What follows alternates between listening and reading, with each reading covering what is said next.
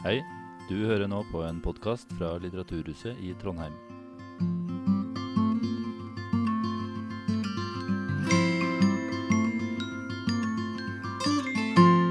Hei. Da vil jeg på vegne av Litteraturhuset ønske hjertelig velkommen til sesongens første Men er det bra? Og i kveld så er det bøker som kretser om familieliv, kjærlighet og historiefortelling som står i fokus. Og i panelet så sitter Hanna Malene Lindberg, Henrik Aasgaard Sortland, Silje Haugen Varberg og Marit Skjelmo. Gi en hjertelig varm applaus til hovedpersonene. Tusen takk, Benedikte, for eh, introduksjon, og velkommen til alle her i dag. Vi skal altså da snakke om tre eh, bøker som har kommet ut nå i høst. Vigdis Hjorth, 15 år, 'Den revolusjonære våren'. Trude Marsteins egne barn. Og Lisa Lie sin scenetekst 'Mare'. Så vi har eh, to eh, ganske tradisjonelle romaner. Eller vi kan diskutere hvor tradisjonelle de er etter hvert. Og altså en scenetekst som stiller seg ganske langt fra de andre eh, formmessig. Så dette blir en spennende eh, økt med diskusjon, håper jeg. Eh, men alle sammen handler altså da, som Benedikte, om eh, morsroller og eh, familie og spørsmål om morskjærlighet. Um, og vi holder på i ca. Eh, tre kvarter. Og så åpner vi også for spørsmål fra salen. Eh, det blir tatt opptak også av denne økten, så vet dere som stiller spørsmål det. Så vent gjerne på en mikrofon hvis dere skal stille spørsmål. Og med det så tror jeg vi bare kjører i gang. Og da er det Henrik som skal få gleden av å introdusere første bok. Ja, jeg skal da introdusere den nyeste romanen til Vigdis Hjorth. 15 år, den revolusjonære våren. Og Vigdis Hjorth hun trenger jo neppe noen lang introduksjon. Hun er jo en av våre fremste samtidsforfattere. Mm, og hun har uh, gitt ut bøker slag i slag siden hun debuterte i 1983 med barneboka 'Pelle Ragnar i den gule gården'. Og den siste er altså 15 år den revolusjonære våren, som ble utgitt den 16. august i år på Cappelen Dam forlag. Og romanen den handler om Paula, som på den første siden av romanen er 10-11 år gammel. Og den første setningen er at det er en rytme i tilværelsen. Og det er denne rytmen vi følger gjennom romanen. Rytmen til Paula i hverdag, på skolen, med bestevenninnen Karen. Og tiden går. Og vi følger Paula frem til hun er 15 år og skal konfirmeres. Eller skal hun det? Det er spørsmålet. Men det er ikke det eneste spørsmålet. Det er også veldig sentralt dette spørsmålet med hva vil det si å leve sant? Og hvordan skal man leve et sant liv? Og uten å foregripe for mye av handlingen, så kan vi jo si at uh, Paula finner ut at moren hennes skriver brev til sin mor, altså Paulas mormor, en sommer hvor hun da lyver om hvordan det egentlig er innenfor familiens fire vegger. Og det gjør at Paula må finne ut av hva slags liv hun vil leve. Og jeg tenkte at et fint sted å starte diskusjonen er å spørre om denne rytmen som romanens første setning setter an tonen til, egentlig fungerer. Så da er ordet fritt. Godt spørsmål. Altså, dette er jo en ganske omstendelig roman. En omstendelig fortellerstemme. Uh, og det tar uh, altså, Vi kjenner jo uh, Vigdis Hjort sin fortellerstemme fra tidligere romaner. Og den er jo ofte litt sånn repetitiv og gjentagende man kommer inn i en sånn rytme mens man leser. Men her er det, det er flere av kritikerne som påpekte også, merket av meg, at her er tempoet liksom veldig redusert. Um, og så kan man jo si at det kanskje speiler 15-åringens sinn og refleksjonsevne. da, At her går det litt det går litt saktere før man kommer til de store innsiktene, eller klarer å ta det inn over seg, kanskje. Um, og jeg vil jo si at etter hvert kom jeg liksom inn i den rytmen. Men uh, gjorde dere det? Ja, altså jeg, eh, da jeg leste denne romanen første gang Jeg leste nesten hele på eh, et par flyturer. Um, og da var jeg litt sånn Men nå, nå, nå, må jeg vel være ferdig snart. Sånn. Nå, nå, var det nok. Ja, ja, ok, greit, vi skjønner, det var rytmen, det var fint. Men så så jeg den på, litt på den eh, på nytt i dag, før vi skulle møtes her. Og så så jeg på liksom alle de stedene jeg har notert, og alle de gule lappene jeg har. Og så likte jeg det så mye bedre. Eh, så når jeg liksom hadde litt, kommet litt forbi det, nå skal jeg lese ferdig denne boken, og så går tilbake til sånn, ok, hva er det egentlig jeg noterte, som jeg synes var fint i denne boken, så er det jo nettopp denne rytmen. Det er den, vi kommer tilbake vi kommer tilbake. Altså, jeg kan lese litt fra starten, for det syns jeg er veldig eh, forklarende.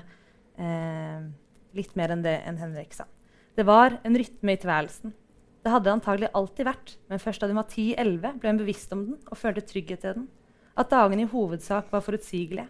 At årsidene kom og gikk på det rolige stedet i byens utkant. Høstens klare og skarpe luft etter sommerens hete det første snøfallet, og hver hverdag stå opp og spise frokost på kjøkkenet mens moren ordret med lillebroren.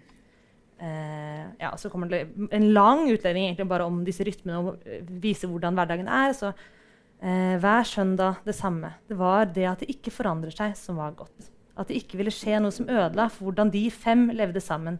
Det ba hun til Gud om når hendte hun ba til ham. At de alltid skulle være sammen og vokse like langsomt som de store trærne som varte og varte. Så da ble jeg litt mer sånn Å, men det er jo et veldig fint prosjekt, denne varheten. Men jeg synes kanskje også at det går litt for langt. Men jeg synes det, det spennet og at hun, starter, altså hun stadfester med en gang hva er det denne boken gjør. Jo, vi setter opp denne rytmen, og det skal vare og vare. Og så den trusselen. å la det aldri forandre seg. Og det synes jeg er veldig fint, for hver gang i denne romanen det kommer et håp eller en bønn om at noe aldri skal forandre seg, så er det det som skjer. Hver gang det er sånn Det måtte ikke skje. Gud og syv og ni og kors i hjertet. Hver gang så er det et sånn frampekt at det her, det skjer. Alle vet at dette for, det går ikke. Det kan ikke være de fem for alltid. Rytmen for rytmen for rytmen. for alltid. Så jeg synes spennet rundt når jeg liksom tenker på det, er mye bedre. Men jeg var veldig utålmodig da jeg leste. Så jeg vet ikke helt uh... Jeg syns det var utrolig sånn, effektivt grep. At det etableres en sånn her gjentagende rytme i starten. Um, som er nesten som en slags sånn gullalder. Eller en sånn her Det er en sånn statisk tilstand i begynnelsen. Um, hvor alt eh, liksom Det er en sånn her harmonisk uh, gjentagelse av ting som følger årstidas rytmer. Det er trygt, det er kjent. Um, og det det vil si å, bli, å være liksom, tenåring, eller å, å liksom, bryte mm, med den um, rytmen til familien, og gå fra barndom til voksenlivet, det er liksom å plutselig eh, ikke like den rytmen, eller få en annen rytme sjøl. At hun blir hun blir rastløs sjøl. Hun, hun, stiller seg på utsida av den, og hun begynner å legge merke til eh, den rytmen og, og kjenne at uh, hun vil ikke være en del av den noe mer. Eh, så at det funker som sånn her eh, Nesten sånn her eh, spenningsbyggende grep, syns jeg. Som viser veldig godt at tida har gått, at hun har fått en annen tid enn den der barn, barndomstida. Mm. Så jeg syns det funka eh, ja, veldig effektivt den barndomstiden syns jeg jo også at etter hvert ble veldig godt skrevet fram. Mm. Eh, og akkurat denne brytningstiden man er i når man eh, begynner å tenke de voksne tankene, kanskje. Begynner å stille spørsmål ved etablerte sannheter. Men samtidig så eh, liker man best å tenke de tankene mens man sitter sammenkrøpet under et grantre, hvor man pleide å leke hus tidligere. For der er man trygg, og der kan man spionere på veien. Det, den der blandingen mellom barn og begynnende voksen som eh, varer ganske lenge. Da, en sånn dobbelthet. Mm. Uh, og jeg syns også den er ganske uh, Eller for meg i alle fall så speilet det seg også i um, en slags uh, spenning mellom fortellerstemmen her og det det fortelles om. nå er det ikke sikkert dere er enige, men jeg syns det var en litt sånn gammelmodig fortellerstemme. ja. Altså, jeg tenkte at Dette er en forteller som er på veldig stor avstand fra det som det fortelles om. Uh, dette er ikke på en måte en, en, forteller som er tett på Paula 15, egentlig. Mm. Det er akkurat som jeg hører Vigdis Hjorth mm. bak der, som forteller om noe som skjedde for uh, veldig lenge siden. Og det er kanskje også fordi at dette er en barndom som finner sted på 1950- og 1960-tallet. Mm. Men det var nesten litt sånn um, fikk minner om eh, barnebøkene jeg leste da jeg var barn, som var sånne rester fra eh, 50-talls barnelitteraturen med Dickens Wilgmeier og Inger Johanne. liksom. Men, er men det var også assosiasjonene som jeg fikk. At det var som en barne- eller ungdomsbok, men skrevet for voksne. Ja, sant? Ja. Det er absolutt masse, masse barneboker der, men også veldig mye sånn, litt sånn gammelmodig lærerinne. For det er også veldig mye sånn eh, Det var adekvat, men det ordet hadde hun ikke lært. Det skulle komme seinere. Eh, så det er liksom, vi får hele tiden sånne små kommentarer fra denne fortelleren som er sånn Ethvert skulle hun tenke på denne måten, men nå er hun fortsatt i denne, denne, denne tiden. Men jeg må innrømme at eh, jeg tror kanskje også det var jeg var litt ut, utålmodig på, at den heter jo 15 år, Den revolusjonære våren. Og nå snakker vi om at ja, hun bryter ut av familien, finner sin egen stemme, og spørsmålet er er hun konfirmert, skal hun ikke konfirmeres, hvordan skal vi gjøre dette? Men jeg drev liksom og ventet litt. Det var kanskje også ut fra en sånn tankegang om, om hva denne boken skulle være på liksom revolusjonen. Og så synes jeg den overgangen, som jo kanskje nettopp er det, at det er kanskje det at den føles så revolusjonerende for Paula. Så utenfra så er det litt sånn Jaha, du har blitt litt større, så grantreet ditt er litt lite for deg i denne hulen. Eh, jeg synes liksom at denne revolusjonen aldri kom. Jeg tror kanskje det var da jeg begynte å føle at, at det gikk litt på som tomgangen. At jeg synes at barndommen og den skildringen av den tilstanden er veldig fin. Og så når det begynner å bryte, så synes jeg kanskje det blir mer forklarende om at nå bryter det, enn at jeg føler at det bryter. Ja, jeg er enig. Altså, jeg syns at eh, de første, eller ganske lenge, flere sider, eh, kanskje de 100 første sidene av romanen, så var det veldig sakte. Jeg ventet på at det skulle bygge seg opp. Men Vigdis Hjorth har jo selv sagt rundt lanseringen av boka at som de store revolusjonene i samfunnet, så tar det veldig lang tid, og det bygger seg opp over lengre tid. Og når jeg godtok det premisset om at private og større sosiale revolusjoner tar tid, så leste jeg den litt mer. Jeg godtok rytmen og at det gikk sakte. og sånn. Men når jeg har sett litt på romanen igjen, hvis jeg kan lese et lite utdrag, så syns jeg at det, det, i underteksten, på en måte det som ligger under det harmoniske og den rolige rytmen, så er det en liten kritikk. Og det er, litt, det, det er små revolusjoner. Et, et uttrykk som jeg syns er veldig godt, er språket deres, som hun bruker når hun skal skildre familien og hvordan de snakker seg imellom. F.eks. her. På trappa la hun øret mot inngangsdøra for å høre stemmene deres, og synes hun gjorde det. Jeg tenkte jeg skulle ta litt geitost i sausen. Ja, det settes en spiss på den. Og et enebær? Ja, et enebær. Jeg håper vi har enebær. Hun listet seg opp. Kjøkkendøra sto åpen, og hun så dem ved komfyren. Lasse i stolen sin. Hun vinket stille til ham. På rommet hang søndagskjolen ferdig strøket, og hun tok den på og gikk med, børsten til speilet i entreen og laget hestehale i lyden av språket deres. Skal vi sette temperaturen ned? Skal vi helle fløte i stuingen? Har vi nok fløte? Ja, masse fløte. Far vil bli glad for det. Far var kanskje i garasjen. Far måket snø? Nei, han hentet farmoren og farfaren på stasjonen. Å, der er du, Paula! Vil du piske krem når den tid kommer? Det ville hun. Så seg selv inn i øynene til hun måtte støtte seg til kommoden. Så hun er på en måte litt etter hvert så kommer det veldig tydelig frem at hun er kritisk til de omgivelsene hun vokser opp i. Um, og at bare det at hun kaller det språket deres, er en distanse i seg selv. At hun merker at dette er på en måte litt fremmed fra det livet jeg kanskje egentlig vil leve. Men det tar jo tid før hun kommer dit. Ja, men jeg er at hun, eh, altså jeg er helt enig at hun er kritisk. Og jeg synes også det, det, er, det, er jo det, som, det er det som er fint med Vigdis Hjorth. Det, er- altså det er jo språket og filosofien det er jo det som liksom lever gjennom hele denne boken. fordi hun sier jo, altså Dette språket deres det er jo deres måte å være i verden på. Det sier hun jo også sånn Igjen den repetitiviteten hele tiden. altså Hun hadde lært seg språket deres og dermed deres måte å være i verden på. sier hun på et sted, og så senere at Faren eh, har bare ved å lære henne å snakke hva ordene betød, hadde lært henne en måte å være i verden på. Så det er jo noe hun oppholder seg hele tiden ved. At språket lærer deg en måte å være i verden på. Bare det å eksistere i verden lærer deg en måte å være i verden på. Hun vil bryte med det hele, for hun vil ikke slukke vulkanen i seg som hun mener at altså, Så det er jo masse opprør her. Men det er, eh, ja, det er et eller annet som jeg likevel føler er litt sånn uforløst. Utenom i denne konfirmasjonstalen så sier hun jo ingenting om det til noen. Eh, ehm, og det er jo kanskje eh, det, Dette er jo et motiv som gjentar seg hos Hjort, og som vi ser her også. altså Mor-datter-forholdet. Det veldig kompliserte mor-datter-forholdet. Uh, og denne avstanden til mor. Uh, mor er utilgjengelig. Man kan egentlig ikke spørre mor hvem hun er, eller hva hun mener om en. Man må dikte det opp isteden. Uh, og um, på ulike måter. Og det gjør hun jo mye.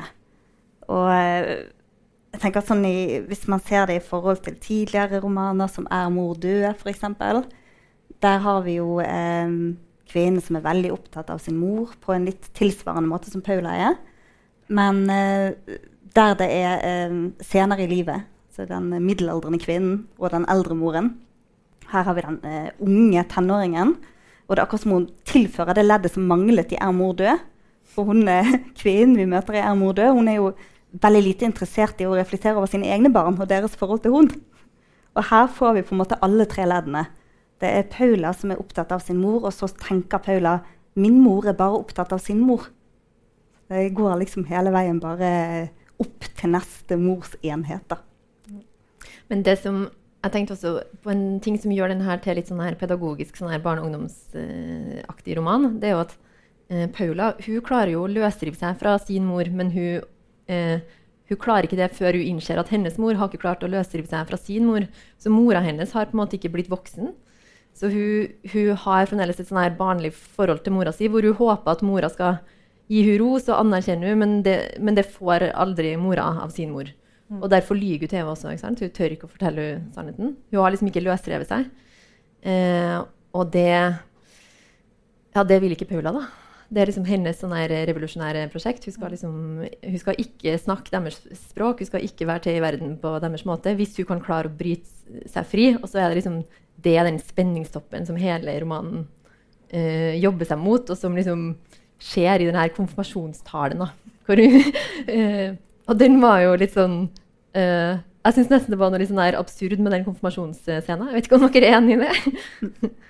Um, hun har den her ekstremt åpenhjertige talen hvor hun sier veldig mange rare ting, og så sitter alle der helt lamslått. og, så, og så etterpå så blir det aldri kommentert igjen.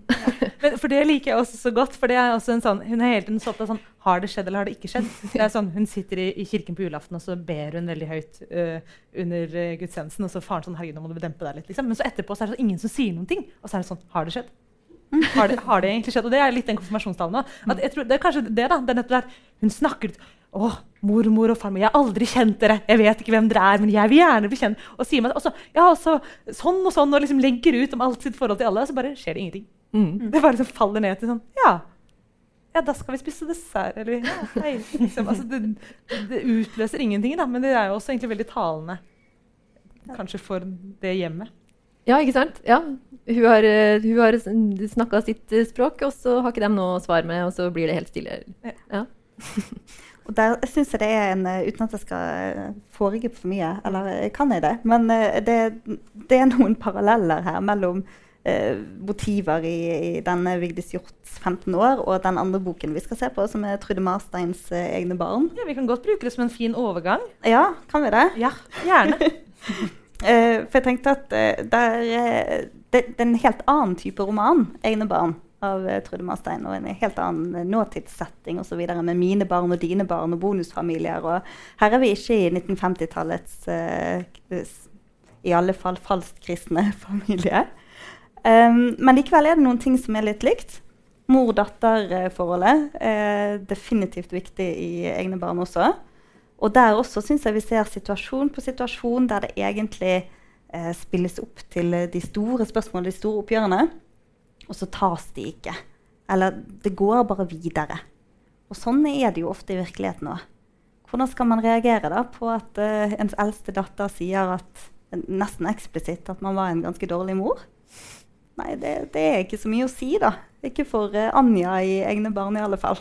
Og så går nå helgen videre, og så går tiden videre. Og det er jo veldig virkelighetsnært òg, da. Og jeg tenker at noe av det eh, Paula i 15 år oppdager, eh, er også noe av det samme som, eh, som Paulas barn er Nei, som eh, Anja i eh, egne barn sine barn er i ferd med å oppdage.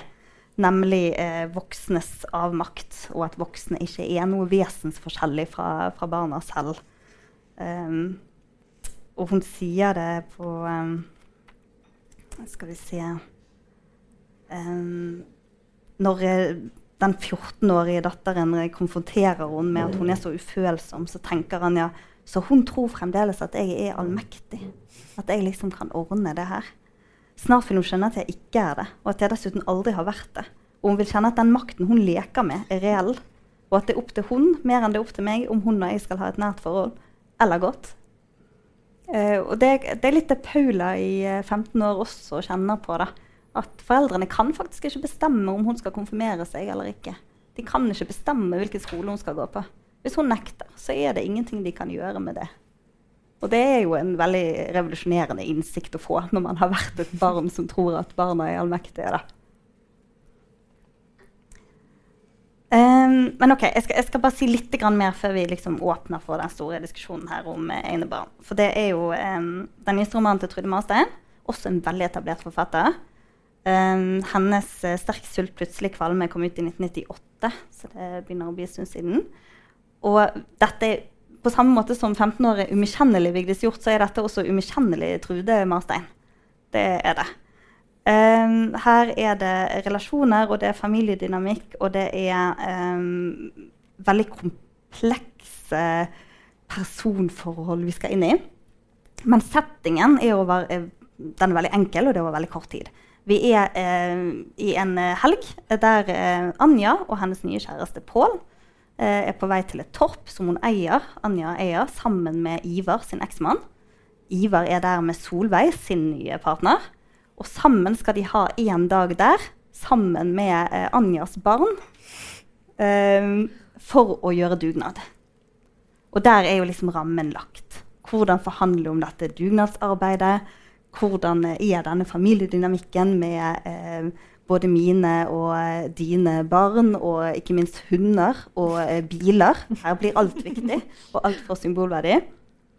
Eh, og hva skjer i løpet av denne, denne helgen, da? Um,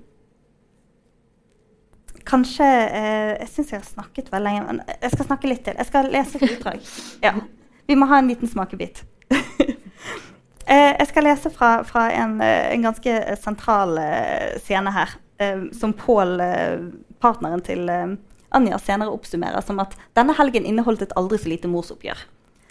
og det gjør den. Et, et sånt veldig konkret morsoppgjør fra eldstedatteren Tuva når de sitter ute på, eh, på altanen utpå kveldingen. Eh, og nå leser jeg litt fra flere sider, så hopper jeg over litt imellom. Men for å gi dere på en måte essensen fra dette eh, oppgjøret, og for å gi dere en liten skildring fra flere av disse karakterene som er med. Um, her er vi i en setting der eh, det har blitt veldig tydelig at uh, Tuva ikke syns at uh, Anja følger uh, opp nok med spørsmål om hva hun egentlig driver med. Men hva med min jobb? Sier jeg til Tuva. Har du noen gang stilt meg et eneste spørsmål om jobben min? Tuva ser ut som hun vil vise at hun ikke kan tro det hun hører. Du er moren min, sier hun. Ja, ja, det var mest på spøk, sier jeg. Men vi har jo nesten ikke sett hverandre. Jeg har nesten ikke hatt anledning til å spørre deg om jobben. Tuva ser ikke på meg. Eller andre ting, sier jeg. Det handler ikke om anledning, sier Tuva. Og jeg snakker jo ikke om nå. Jeg mener hele barndommen. Men hva med han, sier jeg og peker på Ivar. Har han noen gang tatt hensyn til andre følelser enn sine egne? Tuva trekker på skuldrene. Du er moren min, sier hun. Ivar er Ivar. Da ler Ivar høyt. Han skjønner ikke alvoret. Ikke nok. Ivar bar jo følelsene utenpå kroppen, sier Tuva. Vi visste alltid hvor vi hadde han, og hvordan han hadde det. Vi lærte mye om følelser. Dette er ingen god analyse. Jeg mener at dette ikke stemmer. Jeg visste aldri hvor jeg hadde Ivar. Jeg måtte lodde stemningen og fortolke, og alt kunne plutselig skifte. Men barn lager alltid sine egne historier. Jeg har jo aldri sett deg fortvilet, sier Tuva og ser på meg. Eller lykkelig, for den saks skyld. Å, jeg har vært mye fortvilet og mye lykkelig, sier jeg. Ikke foran meg, sier Tuva. Det er ikke noe jeg vil protestere på. Det blir feil uansett. Jeg skjønner ikke, sier jeg. Har jeg følt for mye, eller har jeg følt for lite? Har jeg gitt for mye uttrykk for følelser, eller for lite? Å, sier Tuva.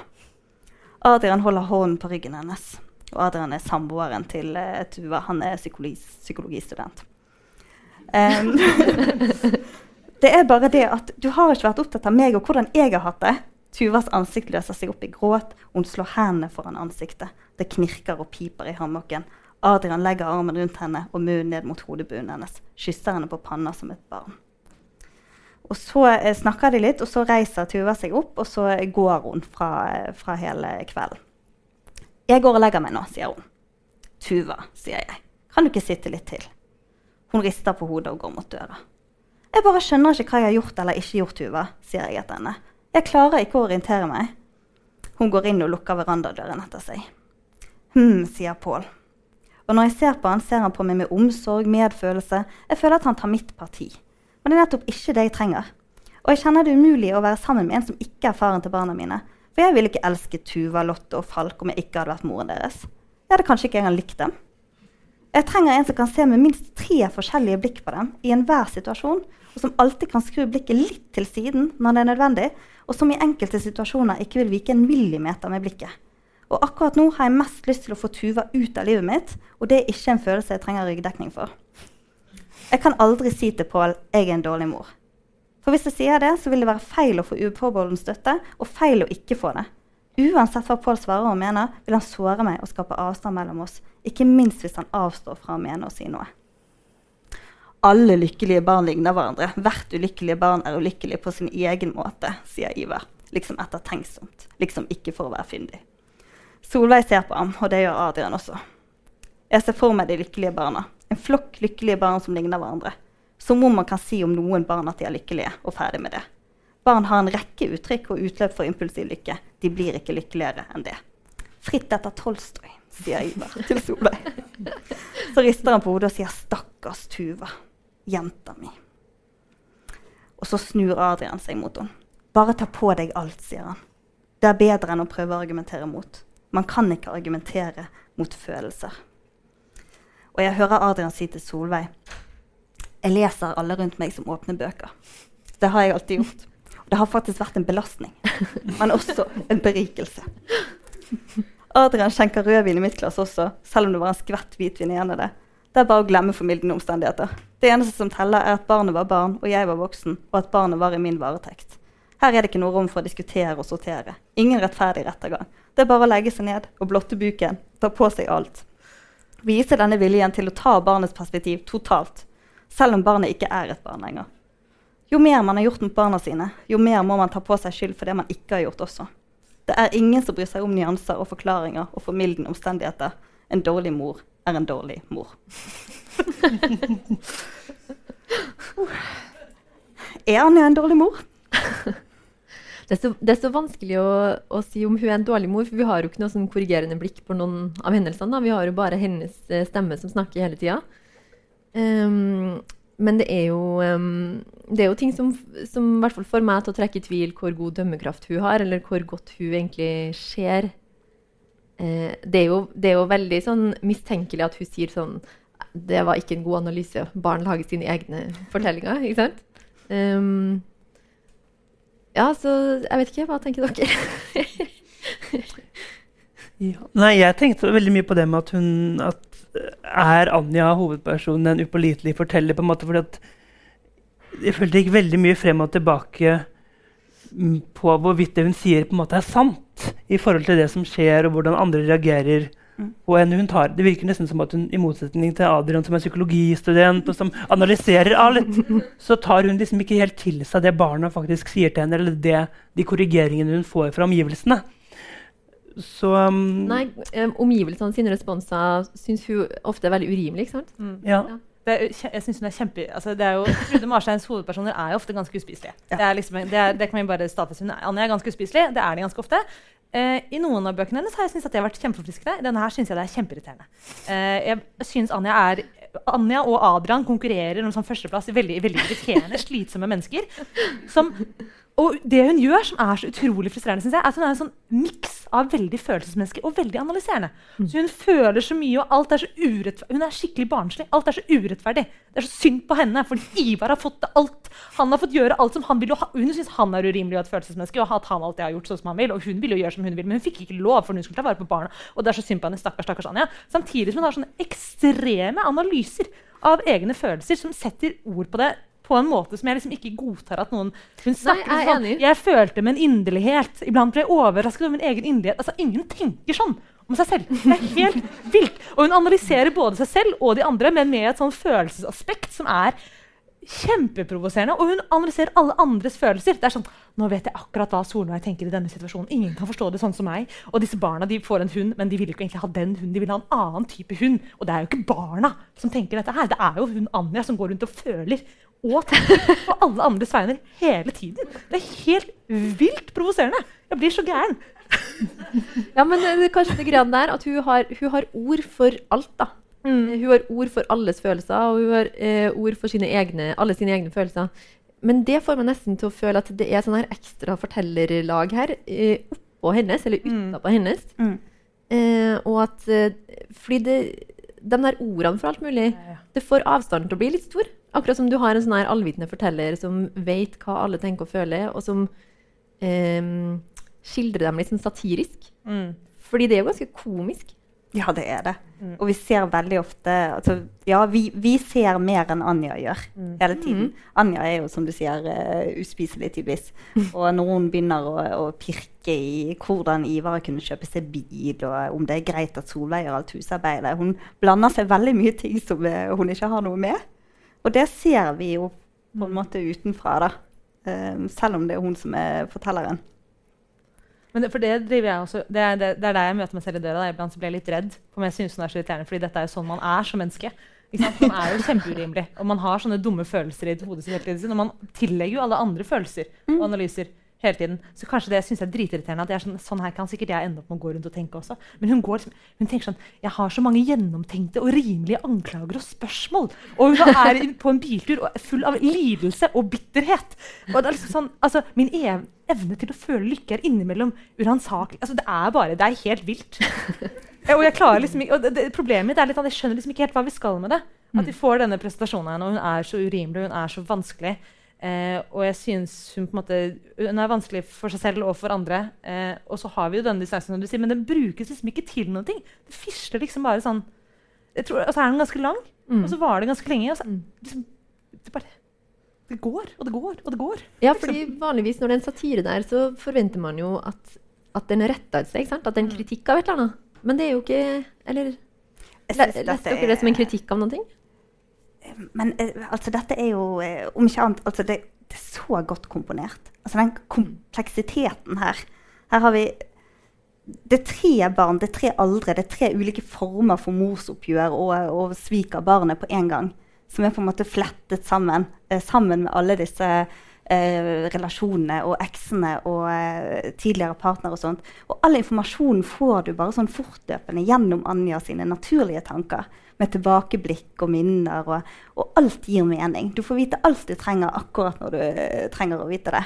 Og du forstår akkurat det du trenger å forstå om hvordan disse barna egentlig har det. Eh, Falk, eksempel, er den yngste sønnen som eh, vi bare skjønner gjennom disse her stadige dryppene om der vi ser han, hvor lite han blir sett.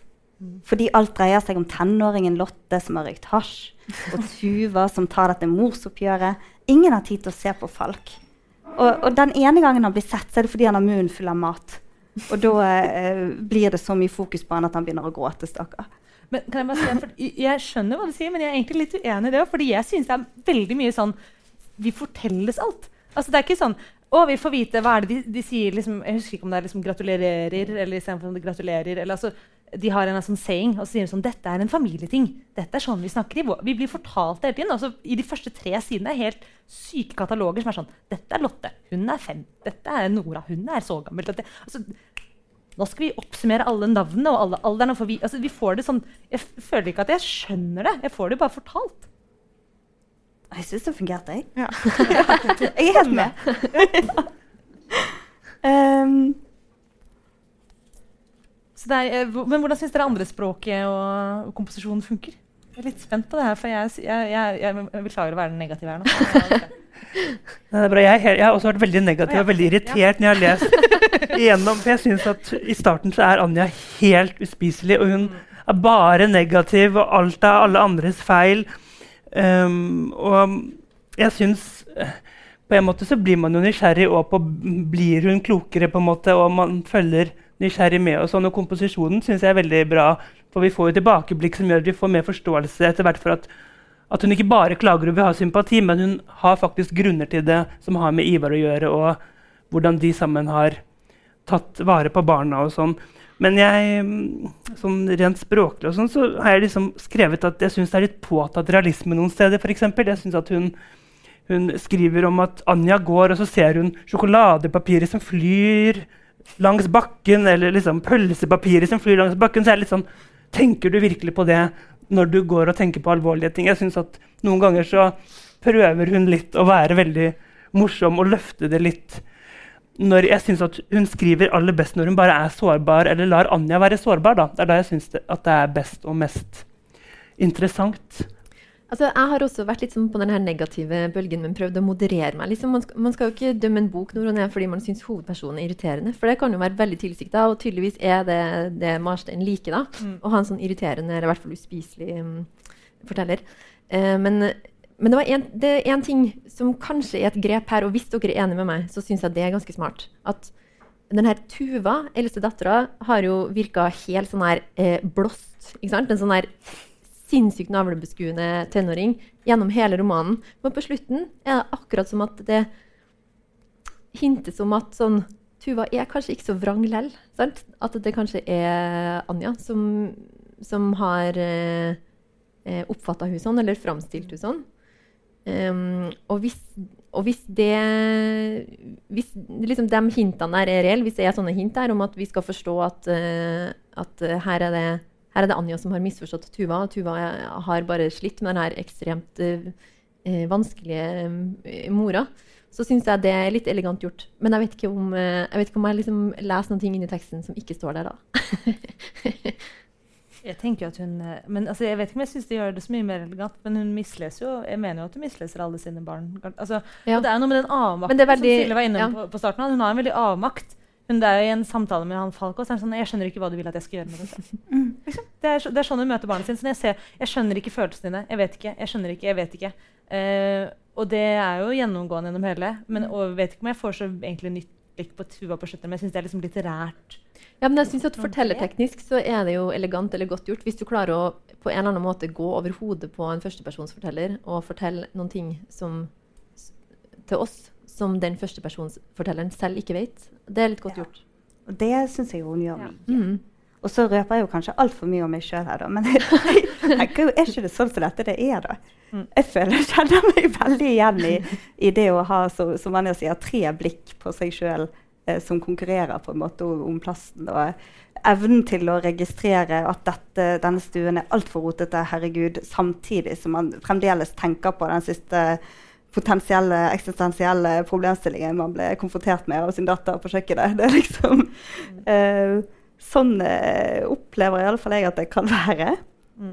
Men den er veldig ja, jeg er helt enig, den er veldig realistisk på den måten der. Men uh, jeg tror kanskje det som gjorde meg liksom negativt innstilt til den når jeg leste den, det var at det er jo en veldig sånn beskrivelse av litt sånn små liv ikke sant? og små ting. Og det er litt sånn hverdagstristesse og sånn. Mm. Og det er ekstremt realistisk. Ja, det er jo sånn det er ofte. Um, men hvor, hvor, skal hun med å påpeke det? Liksom? Og Der skriver jo Preben Jordal i sin uh, anmeldelse uh, at han ønsker seg en ting fra, fra um, det, det, videre forfatterskapet. Mer akutte eksistensielle kriser. og uh, karakterer som utstyres med det vi en gang kalte åndsliv. Mm. det var kanskje satt litt på spissen, men det virker som dere er ganske enig i den, den vurderingen. da. Jeg syns det er veldig fint akkurat som det er. At her er vi i eh, Sånn er livet. Jeg har vært på så mange hytteturer der det ligger ting og gnisner, gnisser mellom familiemedlemmer hele tiden, og det drypper fram over middagsbordet. Men gjør vi noe med det? Tar vi det store oppgjøret? Nei, det vil vi helst ikke. og så drar vi hjem, og så er vi litt lettet. Ja, jeg tror det får være siste ord faktisk for Marstein eh, så langt. Eh, og nå skal vi da ut av realismen og til noe eh, helt annet, kan man si. Og da er det Marit som skal få gleden av å ja. introdusere litt. Ja. Jeg skal introdusere Lisa Lie sin uh, scenetekst til teateroppsetninga um, um, 'Mare', som gikk på Det Norske Teatret i 2019. Um, og den har blitt utgitt som bok.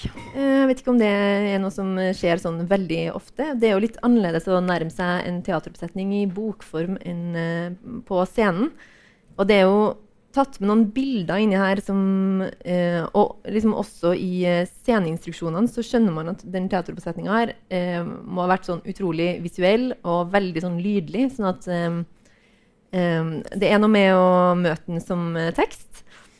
Men um, sceneteksten vant faktisk Ibsenprisen i 2020, uh, og den er også leselig som tekst.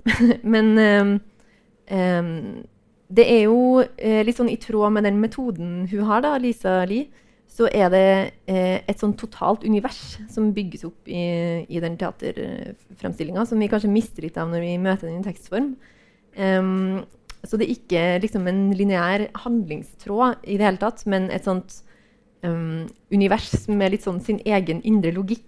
Uh, vi, vi, møter Det er ikke så veldig sånn um, logisk uh, hva personene gjør, eller hva de sier nødvendigvis, men uh, det er sånn flettverk av referanser, ble den kalt. Um, og det er veldig masse referanser her i lag på lag. da.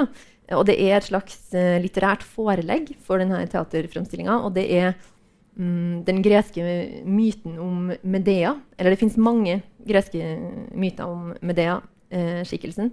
Um, Medea var en sånn halvgudinne og prinsesse og eh, prestinne med sånn magiske evner som um, gudene konspirerte om å gjøre hun liksom dødelig forelska i helten Jason.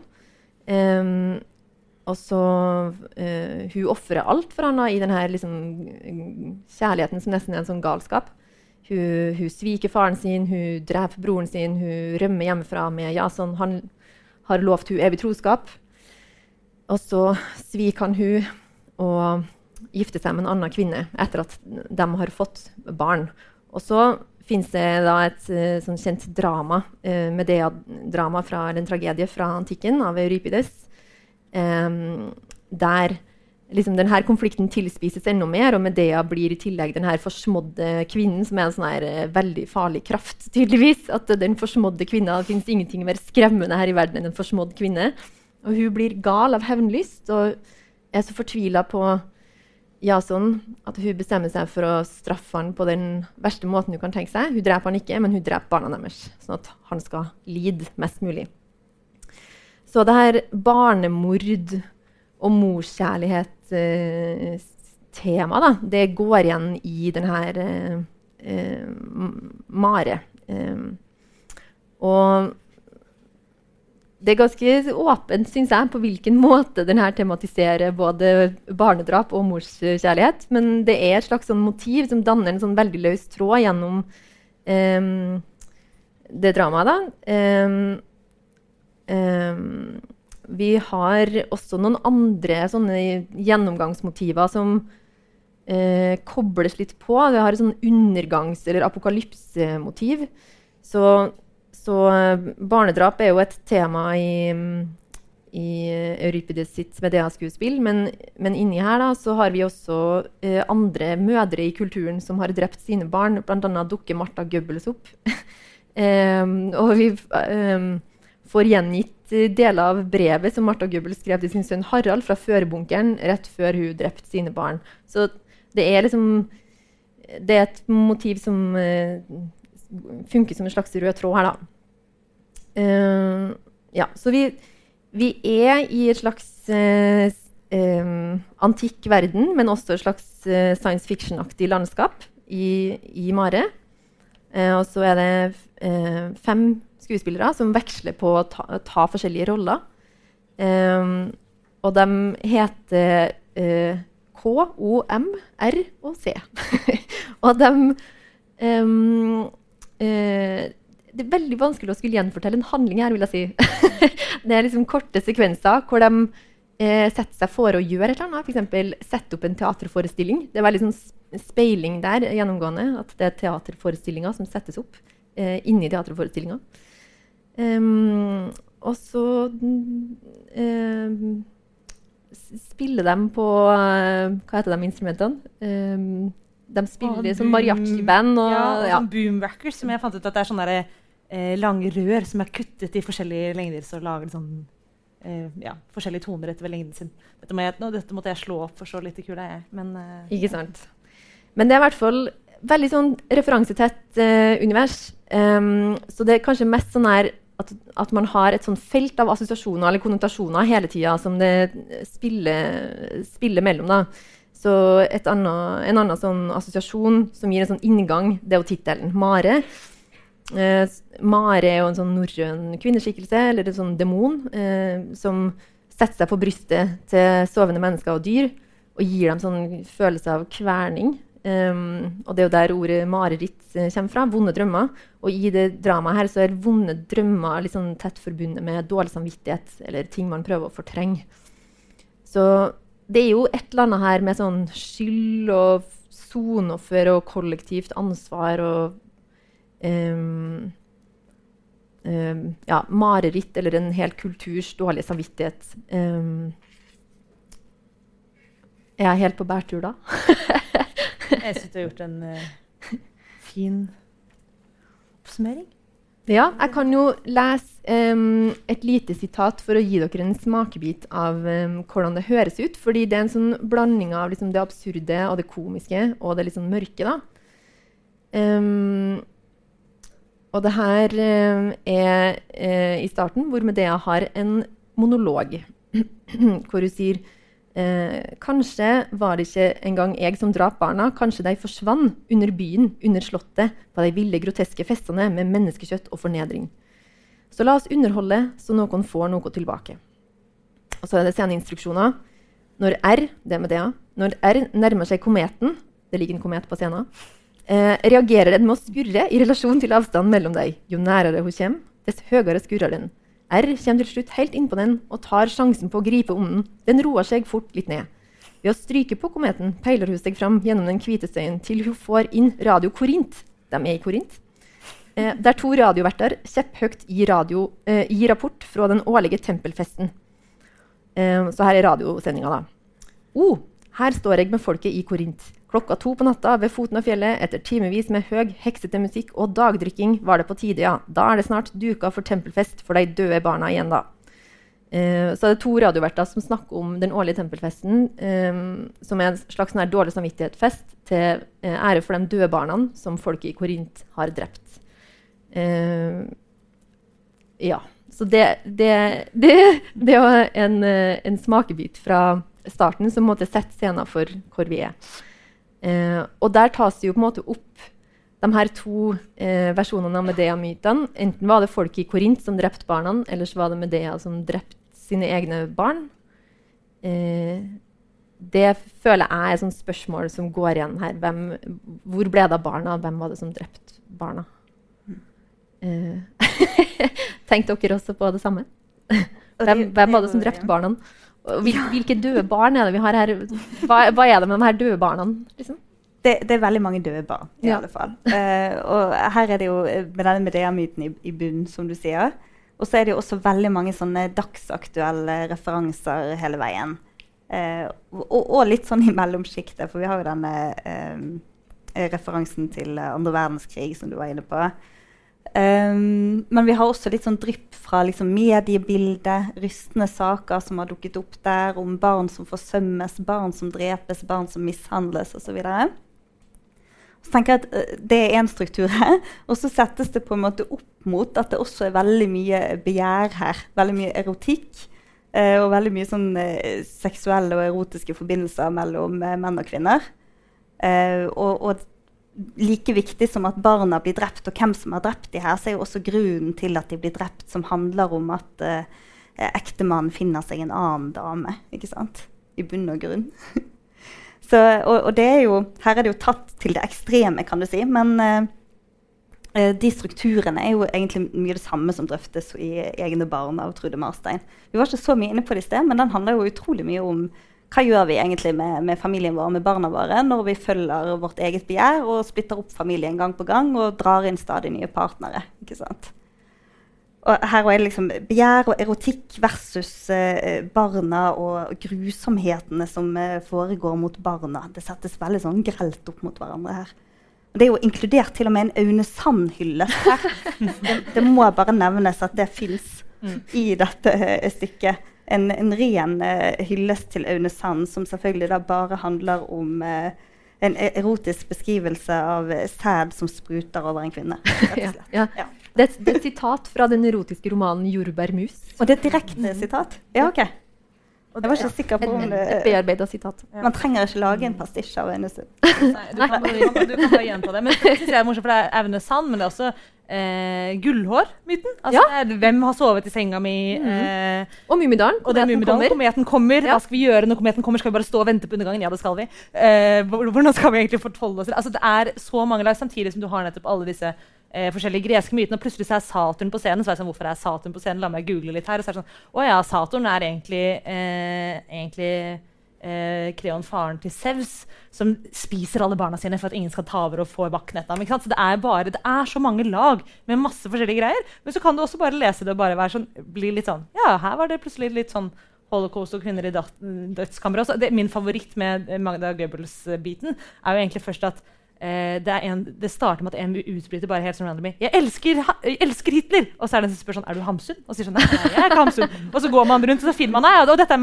Madaga, Goebbels. Men så plutselig så er det sånn Men jeg er Hamsun! Er det en som sier på baksiden? og Sitter og skriver. Altså, det er så mange lag, altså mange rare ting. Så det blir liksom bare sånn Ja. Inf- Informasjon. Takk skal du ha. Eh, så jeg tenker Det må ha vært utrolig gøy å se på dette eh, Ja. på scenen. Men jeg, jeg mener at jeg sliter litt på om hvorvidt jeg liksom synes den, den fikk jo da nettopp pris for scenetekst. Eh, den, er, den er en sånn tekst du må ha ganske mye tålmodighet med for å lese. Ja. eh, synes jeg. Men når du tar deg den tålmodigheten, så er det ganske gøy. da. For da kan du begynne nettopp sånn. Og så dette snakket jeg og Marit litt om. Eh, også før dette med dette, dette Madga Goebbels, Goebbels brev til sin sønn. Er dette noe som faktisk har skjedd? Ja ja, det er det. Og så googler man litt til, så er det sånn Å ja, det er faktisk Det er det det eksakte brevet Ja. som hun skrev til sin sønn. Med sånn, du må være tro mot deg selv og Tyskland, min sønn. Hilsen din mor, nå skal jeg dø. Det blir fint. Liksom. Altså, Og det insisterer jo eh, vår eh, hovedperson her, som har liksom disse monologene, Medea-skikkelsen, insisterer på at virkeligheten er alltid verre. Det tenker jeg er en, en viktig sånn, eh, kritisk dimensjon her. For det er en veldig sånn lek med referanser til eh, litteratur og kunst. Men uh, allerede fra start får vi høre at uh, alle tanker vi er i stand til å tenke, som en ustanselig kloakk, en understrøm av forjævligheter gjennom livet våre. Du klarer ikke å skjønne det kan være sant i mer enn toppen tre minutter. Så blir det utholdelig. Og det blir omgjort av sinnet ditt, slik at det blir et bilde du kan runke til. Og slutte å ta inn over deg at dette faktisk skjer. At fiksjonen aldri kan bli overgått av verden. Verden er alltid verre. Ja, så det, det er sånn her Det er noe veldig sånn mørkt eh, de prøver å utforske, og så gjør de det med mariachi-band og boomwackers, liksom. um, jeg tror også det må ha vært ganske morsomt å se eh, på scenen. Og de har trikoter og bjørnekostymer, og de er liksom Ja. store brød. Når, det liksom, når du, du, nevner, du leser det, så sier du at det kommer noe brød inn på scenen. Bare, ja, brød. Og så ser du bildene, og så er det sånn altså De brødene er jo like lange som meg. Det er ikke snakk om noen brød. liksom Små, søte brød. Det er liksom gigantiske fallos-symboler som vandrer inn på Altså Det er så mye merkelig. Eh, ja, og der kom det plutselig et sånn nattværmotiv også. I hvert fall jeg. Noe vin og, vin og brød og en seremoni der, og et slags soneoffer og um, Ja. Men jeg, jeg, jeg er enig med deg i at det er sånn, eh, to forskjellige typer kjærlighet kanskje som settes opp mot hverandre. Det er sånn her romantisk, eh, erotisk kjærlighet eh, og sjalusi. Det er jo hele tida at hun Medea det er kanskje et gjennomgangsmotiv i handlinga i den grad en handling. da, At det er en fest som hun ikke inviterte til. Så de andre har en fest, og så kommer hun, og så er hun litt sånn Ja, OK, har dere fest uten meg? Hvorfor har, ja, sånn, hvorfor har du ikke invitert meg til festen? Er det for at du vil være med hun der alene uten meg? At, at eh, da blir du plutselig en sånn der eh, sjalu kvinne i samtidslitteraturen. da. Eller Tornerose, er det ikke der det tenkte jeg, er det ikke der hun kommer og ikke får være med i dåpen? Hun der eh, skumle ja, det er i hvert fall et av disse eventyrene som er sånn Disney. Det var det jeg tenkte på. Eller sånn, ja. Eller Monica Isaksen. sikkert, mine eh, sikkert ikke feil å få den assosiasjonen. Jeg tror eh, alle assosiasjoner er velkommen, har jeg inntrykk av. um, men de, de sier jo i liksom presseteksten um, at eh, nyere forskning viser at morskjærligheten er noe eget i evolusjonsbiologisk forstand. At den endrer eh, sammensetninga i hjernen. Og hva er forskjellen på morskjærlighet og eh, romantisk kjærlighet? Og hvordan kan det da ha seg at noen eh, kan begå en sånn grufull handling som å drepe sine barn? Er det derfor Medea er en så skremmende skikkelse da, i vestlig kultur? Mm. Eh, ja. Men jeg føler ikke at vi kommer så mye lenger eh, enn det eh, når det gjelder her motivet med barnedrap i Ja, jeg, jeg er litt Eller eh, ikke uenig. Jeg er helt enig i at det sikkert altså, veldig, hadde vært veldig interessant å se det oppført. Og at man, hele, man kommer ikke utenom det å tenke på hvordan det ville vært scenisk når man leser. Og kanskje særlig fordi at karakterene har samme forbokstav som skuespillerne. Og det tok det ganske lang tid for meg før jeg skjønte Og da ga det plutselig mye mer mening. Man begynte å se det veldig for seg. Men jeg synes at det som løfter det til et litterært verk som kan stå for seg selv, er nettopp den utforskningen av selv om det er masse barn, og du blir liksom, hvem er det vi snakker om nå, hvem har drept hvem, og sånn, så er det nettopp den der tematiseringen av det mørke som jeg syns at, uh, at, hun gjør veldig godt. Um, hvis jeg kan lese et lite utdrag, ja. som jeg syns er et godt eksempel. Jeg synes at Det er noe som går igjen, selv om det er veldig mye tull og veldig mye frem og tilbake. Så går det mørke det ligger hele tiden under. da. Og det setter hun an tonen til i starten, hvor det står Fantasien elskar mørket som mygg elskar blodet. Det var ikke jeg som drap barna. Jeg tar bare konsekvensene av andres ugjerninger. De skal slippe å bli sånn og tenke på dette og minnast og huske overgrepa og overleve mot alle odds. Jeg hater meg sjøl for det, til publikum. Men det er den Satans ugjennomsiktige sivilisasjonen din, Jason, som holder deg tilbake fra å innse at mørket går dypere enn blodet. Hva får et menneske til å hoppe fra balkongen og ta med seg barna sine? Liten tenkepause. Anna enn at mørket har tatt på deg, trengt seg inn i deg og ødelagt deg så de aldri vil kunne reise seg igjen. Jeg vil søkke meg ned i det mørket. Og kanskje kommer vi ikke opp av det mørket heller. At vi er hele tiden nede i det. Og hva er det egentlig som skal settes lys på i romanen. Det kan man jo, Eller i stykket. Det kan man jo spørre seg om man blir noe klokere, og at det går opp et lys men, underveis. Ja, med det, så, altså, nå er vi allerede holdt på, Jeg er en dårlig ordstyrer, så vi har allerede holdt på litt over tiden. Eh, vi skal bruke, men det, det, Dere ser så oppmerksomhet her i salen. Så det er ingen som har fått sånn tomt blikk som betyr at dere har sluttet å følge med. Eh, så jeg har latt det skure litt, men jeg tror vi må prøve å begynne å oppsummere litt. Så da eh, er det jo eh, rett og slett å ta et overordnet blikk på disse bøkene og prøve å si om de er bra. er det noen som har noen tanker? Mm. Marit, du sitter uh, Jeg syns uh, Vigdis Hjort sin var bra. Men, men um, det kan være at den var litt forglemmelig, og det høres ut som det ikke går overens. Men at uh, jeg syns det var um, et sånn her godt univers å være i. Og alt det dere sa om at det var langtekkelig med de her um, rytmene og gjentagelsene, det var det som gjorde at jeg trivdes i det universet der.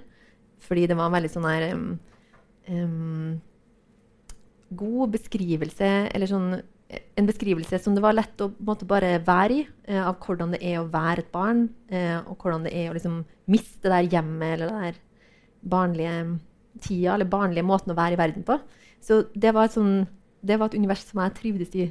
Eh, så jeg syntes 15 år uh, 'Den revolusjonære våren'. Det syns jeg, uh, jeg, var bra. Det var en bra roman. mm. Henrik? Ja, jeg er enig. Jeg er jo stor Vigdis Hjorth-fan, så jeg føler jeg må, må Ja, jeg syns det er bra. Selvfølgelig så syns jeg også at ikke, ikke, at den er sånn at man glemmer den etterpå, men jeg syns ikke at det er hennes beste. for å si det sånn. Men jeg syns absolutt at det er en bra roman. Mm. Silje, er det noen bøker du likte bedre enn de andre? Eh, ja, altså jeg tenker at Her har vi noen av de samme motivene og tematikkene i uh, alle verkene. da. Og vi har med prisbelønte forfattere å gjøre hele veien. Så dette er jo Alt er jo bra. Og vi, vi møter veldig uh, ulike perspektiver på noen av de samme problemstillingene. da. Uh, jeg slår et slag for Trude Marstein, altså. Jeg syns i Vigdis Hjorts 15 år det blir litt svart-hvitt. Det, det, skal det jo være fordi det er Paula 15 år osv. Men også rent sånn fortellermessig at her er det, det, det er veldig tydelige motsetninger som settes opp. da. Paulas familie som er konservativ versus bestevenninnens frie og veldig velfungerende familie. Uh, denne her strenge mormoren sin kristendom versus den snille, medgjørlige prestens kristendom. Uh, og det er um, Ja. Uh, denne her faren som evig bare snakker om sjefen Tofte og Audien. Det er veldig sånne stereotypiske fremstillinger, egentlig. Og Paula prøver jo å liksom sortere i dette og gi det et slags uh, Hun prøver å se de lange linjene, hun prøver å fortelle den store fortellingen om sin familie og hvem hun er. Det gjør man jo som 15-åring, for all del. Men uh, Trude Marstein tar oss inn i kaoset da, i uh, hverdagslivet. Du har ikke tid til å tenke noen lange tanker. Og det å prøve å etablere en noenlunde stabil fortelling om deg sjøl, er et evigvarende og veldig komplekst arbeid. For det endrer seg jo med en gang eh, datteren Tuva kommer hjem og sier noe nytt om hvordan du har sviktet henne som, eh, som mor. Så må du ta det inn i ja.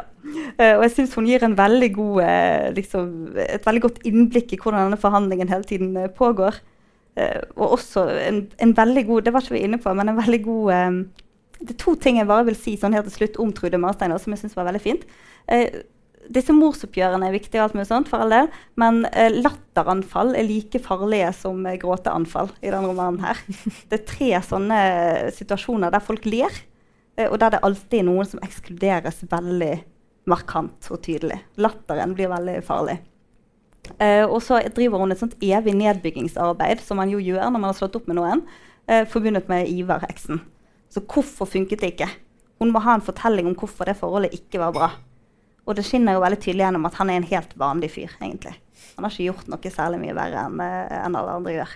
Men uh, det kan man ikke si til seg sjøl hvis man skal begrunne at man brøt opp tre barns liv uh, fordi man fulgte sitt begjær og ville heller ha Pål eller Bjarne eller hvem det nå var.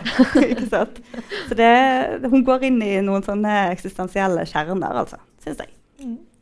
Lisa Lie der, noen som vil slå et slag for Lisa Lie til slutt? Henrik var på starten av å slå et slag for Lisa Lie. Ja, altså jeg synes bare legge til at jeg synes også Marstein er bra. Og selv om jeg var veldig irritert gjennomgående, så, så tenker jeg at det sikkert er bevisst. Jeg har ikke lest noe annet av Marstein før, men jeg antar at det er bevisst, og da liker jeg det enda bedre. Jeg tenker det. Og jeg tenker også det samme om Mare, at jeg tror at det som virker veldig forvirrende, og sånn, er bevisst. Jeg tror at det har veldig mye for seg på scenen å gjøre. Mm. Men jeg syns at den fungerer bra som bok også, og er leseverdig. Absolutt. Så altså, eh, Summa summarum, alt er bra. Eh, det er en god, god, oppsummering vi har. Men det har altså vært eh, tre veldig eh, ulike bøker med ulike kvaliteter og ulike utfordringer vi har diskutert eh, på scenen i dag. Men jeg synes at det har vært uh, moro. Det håper jeg dere i publikum også har. Eh, men så er det da også mulig å stille noen spørsmål. Er det noen som har noen spørsmål? til slutt, selv om dere har sittet over tid allerede. Hvis ikke så skal vi sikkert henge rundt her alle sammen en stund. Siri har et spørsmål, ser jeg. Det er veldig lov. Det er fortsatt liksom, gnister i øynene her. Det er bra. eh, nei, Hvis jeg forsto det rett, nå nyanserte jo du litt mot slutten, Silje, men i hvert fall et av ankepunktene mot eh, Marsteins roman var at den var eh, ja, Kanskje mangla det akutte eksistensielle krisom og var litt um, det skjellsordet som brukes om norsk samtidslitteratur. Navlebeskuende. og siden du er eh, litteraturviter i panelet, så tenkte jeg at jeg skulle spørre er det slik at litteraturen alltid må peke utover seg sjæl?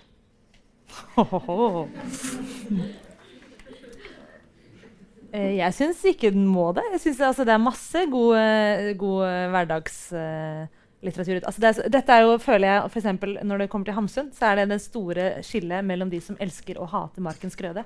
De som hater Markens grøde, synes den er triviell og eh, kjedelig og bare handler om hverdagen. Og så går det og går det, og går det, og så skal du fure opp en åker til, da, og så kommer geister, og så syns det er gøy. og så synes det resten er kjedelig. Jeg syns det er kjempegøy med de kjedelige partiene. Jeg synes det er kjempegøy med folk som bruker en halv roman på å flytte en furu to meter. Eh, så jeg syns ikke det er, noe, det er noe galt i seg selv. Jeg tror ikke det er det jeg egentlig reagerer på. Um, jeg syns den er kanskje mest av alt masete. Men som sagt, jeg er jo redd for at grunnen til at jeg ikke liker dette, er fordi som Silje sier, så er det kanskje sånn livet er. Og er ikke, jeg har kanskje ikke lyst til å konfronteres med det. Altså, det kan hende at det er noe så, noe så, enkelt som det. Eller så er det også noe så enkelt som at jeg ikke har barn, så jeg vet ikke ennå hvor kaotisk det er. Jeg synes livet mitt er kaotisk nok fra før, uten disse barna. Uh, så kanskje når jeg får det, så blir jeg, blir jeg hun Anja. Ja, men jeg stilte meg sjøl spørsmålet at hvis eh, romanen bare skildrer personer som er veldig sånn eh, Lever i sine trivielle liv. Den tar bare opp trivielle problemstillinger. Eller sånn, hvert fall veldig dagligdagse problemstillinger. Og viser hvor smålige de her personene er, og hvor navlebeskuende de her personene er. Og så løfter romanen aldri blikket. altså Blikket i romanen også da eh, like navlebeskuende. Altså, ikke noe mer. sant? Det er bare det. Ja, jeg tenker det også handler på litt sånn måten man kunne gjort på. Jeg vet at Det var en av disse anmeldelsene jeg leste som var sånn, synes at hun gjorde det samme som Edouard Levé, som han Ivar Dilbert ville snakke med henne om midt imellom sånn barnehagehenting og sånn, også i romanen. At det er sånn sidestilte setninger. og at ting ikke liksom, Men det syns ikke egentlig jeg i det hele tatt. Men jeg tenker jo noe, det, er, det, er noe, det er noe med formen. Den kan være, Jeg syns den kunne vært så triviell og navlebeskående hvis jeg kanskje fikk litt mer ut av teksten som tekst. Mm. Det er kanskje det jeg også synes at mangler. Jeg, så- jeg, jeg synes det er mye forklaring. Og mye sånn også det. Og så jeg, jeg vet at det var flere her som da likte komposisjonen. Jeg synes, jeg synes øh. veldig, veldig god argumentasjon. Men ja. Men jeg synes romanen peker litt, litt ut av seg selv. På, eller egentlig både og, Men det er veldig mye metakommentar om det å skrive roman og det å liksom være forfatter. Og særlig det å være mor og ikke kunne være forfatter fordi at det er det mannen som kan gjøre. fordi at du er jo mor, og mor, morsrollen er en veldig krevende rolle som du må gjøre riktig, liksom. Men jeg Så jeg jeg irriterte meg litt over det jeg syns, på samme måte som jeg syns at hun hadde litt påtatt realisme. Det er veldig mye bra realisme òg, og gjenkjennelig, men jeg syns at noen ganger så blir det litt for mye sånn Jeg vil skrive roman, og dette er en roman, og jeg føler at det kanskje var litt påtatt. da, på en måte, At da hadde det vært mer givende hvis hun løftet blikket enten ut av romanen enda mer, eller, eller at eh, hun kunne droppet det, på en måte. Kan jeg bare si en ting som jeg kom på nå, som eh, kanskje er det jeg liker best? Men jeg må jo si den ene tingen jeg egentlig liker best med Trude Marshalls roman. Det er egentlig det supertrivielle.